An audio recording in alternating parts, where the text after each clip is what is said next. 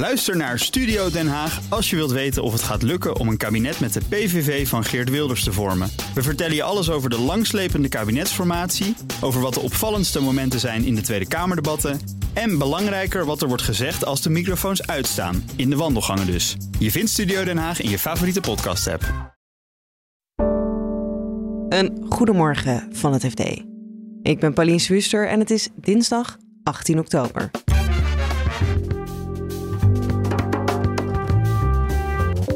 Amerika voert de chipoorlog tegen China op, maar ASML wil daar graag zaken blijven doen. Elke klant is mij even lief en je kan niet zomaar de lijn trekken tussen een machine en wat er vervolgens mee gebeurt.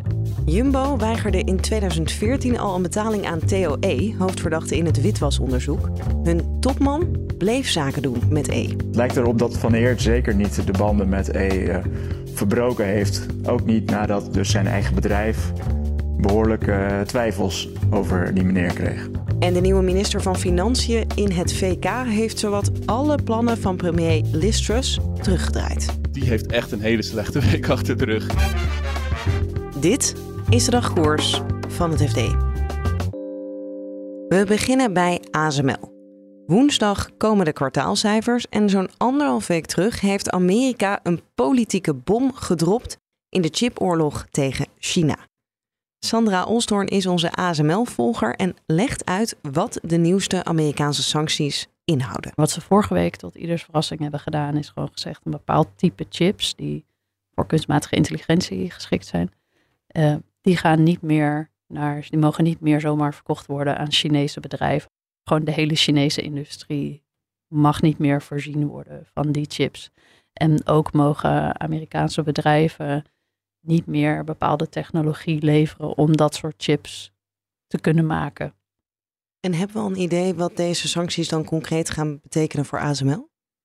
Nee, dat is een beetje lastig. Wat we inmiddels al weten is dat um, het bedrijf Amerikaanse mede of medewerkers in Amerika voorlopig heeft gezegd: doe maar even geen zaken, doe maar even niks voor Chinese klanten, totdat we zelf echt goed in beeld hebben wat het nou betekent. Je moet je voorstellen, zo'n sanctiepakket, dat is best wel dik pak papier met vrij onduidelijk wat het nou allemaal betekent. Het is voor die bedrijven ook niet uh, in een paar dagen te doorgronden wat nou allemaal wel en niet meer mag.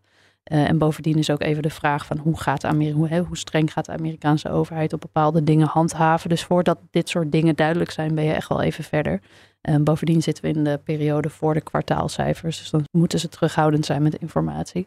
Um, dus hopelijk horen we woensdag meer, want dan komt ASML met de cijfers en dan zullen ze hier ongetwijfeld heel veel vragen over krijgen. Ja, jij sprak een tijdje geleden de topman van ASML. Wat zei hij toen over die oplaaiende chipoorlog? Amerikanen proberen al een tijdje de export van. Ze zouden het liefst zien dat de export van uh, ASML's machines nog verder aan banden komt te liggen dan het nu al is. Hè. Ze mogen hun meest geavanceerde apparaten al niet naar China uh, exporteren. Is nooit helemaal officieel zo uitgesproken, maar iedereen gaat ervan uit dat, dat mogen ze niet. Uh, en dat doen ze dus ook niet. Uh, maar als het aan de Amerikanen ligt, gaan ook oudere machines niet meer richting China. Nou, je kunt verwachten met die nieuwe sancties dat de druk op Nederland om ook die export tegen te houden, dat dat alleen maar nog verder toeneemt. Um, ik sprak hem anderhalve maand geleden, dat was dus voor dit pakket, maar eigenlijk over de vraag van moet je het als bedrijf zelf ook nog wel willen. Hè? Dus de Amerikanen zeggen van dat leger moet niet te machtig worden, maar ook um, of die wijzen ook op de mensenrechten schendingen in China en de rol die technologie daarbij speelt. En het gesprek dat ik met Wenning had destijds ging onder meer over de vraag van ja, hoe, staan, hoe, denk, hoe denken ze daar bij ASML eigenlijk over? En? Maar het is een hele gecompliceerde vraag, want um, hij reageerde daar een beetje gepikeerd, dat snap ik ook wel. Je kan er eigenlijk geen goed antwoord op geven, want de chips die op machines van hun worden gemaakt, die worden weer doorverhandeld. En zeg maar de lijn tussen een ASML-machine en uiteindelijk het apparaat waar het in terecht komt. En wat dan weer ingezet wordt voor de onderdrukking van de Oeigoeren of om die in de gaten te houden. Ja, die is best wel lang en gecompliceerd. Maar er is best wel en dat is misschien ook een beetje te makkelijk als bedrijf om je met die, dat argument daarvan af te maken. Dus daar hadden we een discussie over. Ja, maar kan ik dan zeggen dat ASML eigenlijk niet vindt dat zij een China-probleem hebben? Nou, ASML wil het liefst gewoon wel zaken blijven doen in China. Dat is aan de ene kant omdat ze zeggen die keten die is zo de, de, de productie van chips is zo'n wereldwijd proces en iedereen heeft elkaar nodig. En je kan niet een bepaald land uit die keten snijden, want dat heeft weer allerlei gevolgen waar we met z'n allen niet goed over nagedacht hebben wat er dan gebeurt. En aan de andere kant het, zeg maar, morele vraagstuk van wil je als ASML zelf nog dit soort technologie aan zo'n land leveren? Daarvan zegt hij ja, dan kan je als bedrijf, wil ik daar gewoon helemaal niet over nadenken. Ehm, elke klant is mij even lief en je kan niet zomaar de lijn trekken tussen een machine en wat er vervolgens mee gebeurt. En bovendien, als je China als wereld zou afsnijden van dit soort technologie, dan ontzeg je ook mensen in China technologie die de zorg en het onderwijs en alles beter zou moeten maken. Dus dat is iets waar hij het liefst vandaan wil blijven. Dat uh, ja. levert ze ook gewoon heel veel geld op. Nou ja, dat, China. dat is precies, een cynische ja, want, antwoord. Want, want, dat vroeg ik me af. Met, jij noemde al even uh, de kwartaalcijfers die komen woensdag. China is best een grote markt voor ASML. Ja, China is een groeimarkt. Aan de andere kant, ASML's belangrijkste geldmachine letterlijk is de EUV-machine. Nou, die mag al niet uh, naar China toe. Uh, dus de grote groei van ASML's omzet komt grotendeels daar vandaan. En dat betekent dat de aandeel van China in de omzet van ASML uh, niet heel veel groter is geworden. Maar als je het op absolute getallen gaat bekijken, dan ja, neemt de handel voor is ASML heeft de afgelopen jaren heel veel meer omzet uit China gehaald. En dat zit, zat vorig jaar op ongeveer 15 procent, zeg ik even uit mijn hoofd. Dus ja, mocht je dat helemaal kwijtraken, omdat ook die oudere machines, ouder tussen aanhalingstekens, want dat is echt super moderne apparatuur, maar oudere technologie ook niet meer naar China zou mogen, ja, dan hebben ze wel een probleem. Dan gaan we naar het witwasonderzoek dat loopt naar hoofdverdachte Theo E. en voormalig Jumbo-topman Frits van Eert. Want nu blijkt dat Jumbo in 2014 al een factuur van ruim 60.000 euro weigerde te betalen, die afkomstig was van Theo E. voor de sponsoring van zijn motocross-team. Retailredacteur Jan Braaksma legt uit waarom de supermarktketen de betaling blokkeerde. Er liep wel op dat moment een strafrechtelijk onderzoek tegen uh, E. Kan je voorstellen dat bedrijven nou, dat die daar, daar toch voorzichtiger mee zijn met het betalen van dat soort rekeningen aan mensen die in zo'n situatie uh, uh, ver, verwikkeld zijn. Dus op dat moment trapte iedereen bij uh, Jumbo blijkbaar op de rem van uh, nou, die rekening die betalen we voorlopig maar even niet. Ze hebben uiteindelijk het bedrag wel nog betaald. Ja, dat klopt. Want uiteindelijk heeft het motocross-team van E gewoon aan zijn, zijn verplichtingen van het sponsorcontract voldaan. Namelijk rondgereden op een motor met daarop de logo's van Jumbo. Nou ja, en het feit dat iemand verdacht is in een strafrechtelijk onderzoek is geen reden om een factuur niet te betalen. En hoe is het na 2014 gegaan? Is er toen nog geld vanuit Jumbo naar uh, E gegaan? Nou, toen is het uh, motorteam opgeheven. Dus in die zin is daar, daar uh, niks meer mee gebeurd, want het team stopt niet meer. En Frits van Eert, want die is natuurlijk Jumbo zelf geen verdachte in het strafrechtelijke witwasonderzoek. Wat nu speelt, van Eert wel, dat zou dan iets te maken hebben met TOE, mogelijk met die uh, sponsorcontracten. Hij is zelf na 2014 niet gestopt. Nee, hij, heeft nog, uh, hij is de zaken blijven doen met, met TOE. En, en ze kennen elkaar ook al heel erg lang. Dus misschien uit een soort van loyaliteit naar elkaar toe. Dat zij uh, toch, toch in elkaar ja, in, in contact zijn gebleven. Volgens het AD heeft Van Eert dit jaar en vorig jaar nog een militaire Hummer bij E gekocht. En een trailer die daarbij hoort. Mijn collega Jasper Been heeft iemand gesproken die uh, zegt: ja, uh, de E heeft ook nog bemiddeld tussen een motorcoureur en Frits van Eert. Want die motorcoureur zocht een sponsor. Theo wist wel iemand. Nou, en zo schijnt E dus nog steeds in contact te staan met, met Van Eert. Dus nee, van, het lijkt erop dat Van Eert zeker niet de banden met E verbroken heeft. Ook niet nadat dus zijn eigen bedrijf behoorlijk twijfels over die meneer kreeg. Ja, is dat niet gek? Ja, het is sowieso wel opvallend uh, dat. dat uh, nou, het is niet de eerste, de, de eerste zaak die zo rond, uh, rond E speelt. Hij had een autoleasebedrijf dat in 2008 failliet is gegaan en dat bekend stond als de autoleverancier van de Amsterdamse onderwereld. Dat was al een, een, een vlekje op zijn blazoen. Daarna is hij ook nog een keer veroordeeld voor uh, witwassen en btw-fraude. Daar heeft hij niet voor in de cel gezeten, maar kreeg hij wel een forse taakstraf. Dus eigenlijk iedereen die die man een beetje kende of zich in zijn wereld verdiept had, had kunnen weten dat hij in, in kringen zich af en toe begaf, of in ieder geval begeven heeft.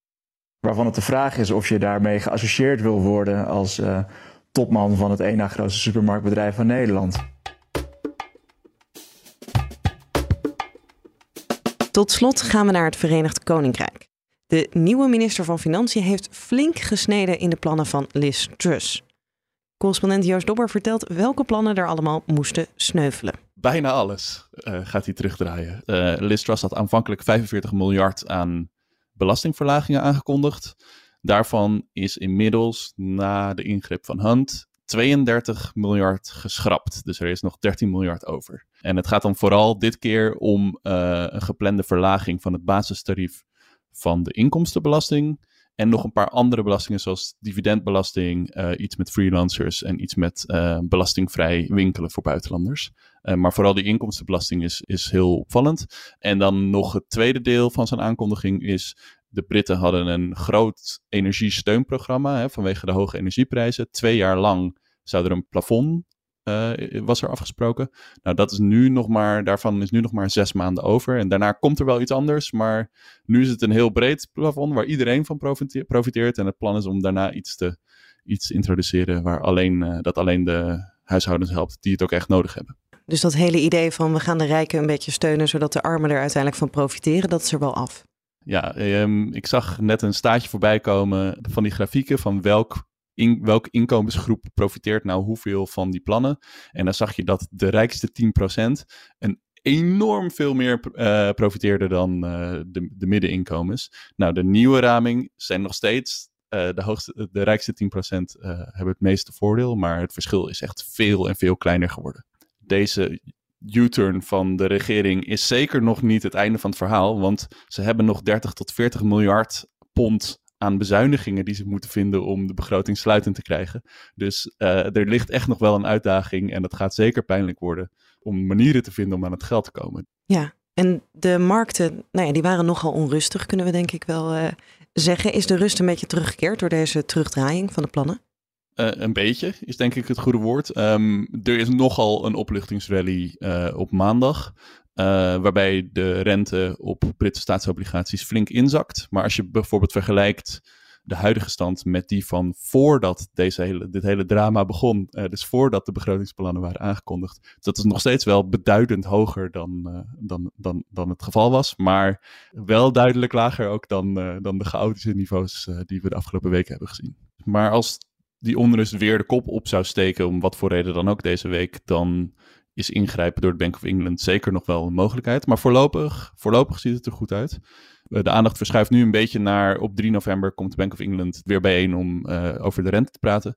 En dan gaat de rente omhoog. Dat, daar gaat iedereen van uit. Maar de vraag is met hoeveel. Uh, en door die turbulentie van de afgelopen tijd was de verwachting dat ze echt met heel veel die rente zouden gaan optrekken. Nou, die verwachtingen komen nu weer een beetje omlaag. Maar het zal nog steeds wel een vrij, vrij grote rentestap worden. En als we nog even kijken naar uh, de politieke kant, de positie van Truss. Hoe staat het daarvoor? Is het dan nou ja, beter dat het is teruggedraaid? Of is het toch extra verzwakt doordat iemand anders haar plannen terugdraaide? Ja, die heeft echt een hele slechte week achter de rug. Ik zie niet hoe zij nog enige legit legitimiteit heeft. Want uh, Jeremy Hunt uh, is binnengekomen en die heeft eigenlijk haar volledige programma ontmanteld. Ze heeft eigenlijk niet echt een bestaansrecht meer. Uh, bovendien is haar partij het vertrouwen kwijt in haar. Niet alleen de plannen zelf, want die hadden, dat moeten we niet vergeten. Er waren best wel veel conservatieve politici die daar echt iets in zagen. Die, die het heel fijn vonden dat die belastingen zo omlaag gingen. Dus daar was vrij veel steun van, maar, voor. Maar um, de presentatie van Truss. En dan met name die dramatische persconferentie van afgelopen vrijdag. toen ze de, het ontslag van Kwarteng bekend maakte. Nou ja, die hebben zo, toch wel het laatste soort van hoop dat er met Truss iets, dat het iets zou kunnen worden, wel, wel weggehaald. Dus dat is nu een grote open vraag wat er met haar gaat gebeuren.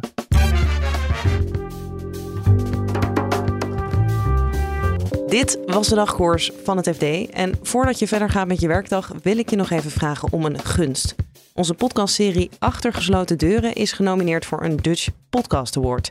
Stem ons naar de overwinning op podcastawards.nl/slash stem. Het linkje dat vind je ook in de show notes als dit je te snel ging. Dagkoers is er morgenochtend weer. Heel graag. Tot dan.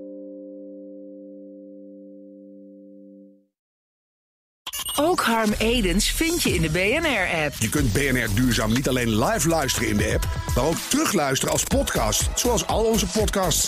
En naast dat de BNR-app Breaking News meldt, houden we je ook op de hoogte van het laatste zakelijke nieuws. Download nu de gratis BNR-app en blijf scherp.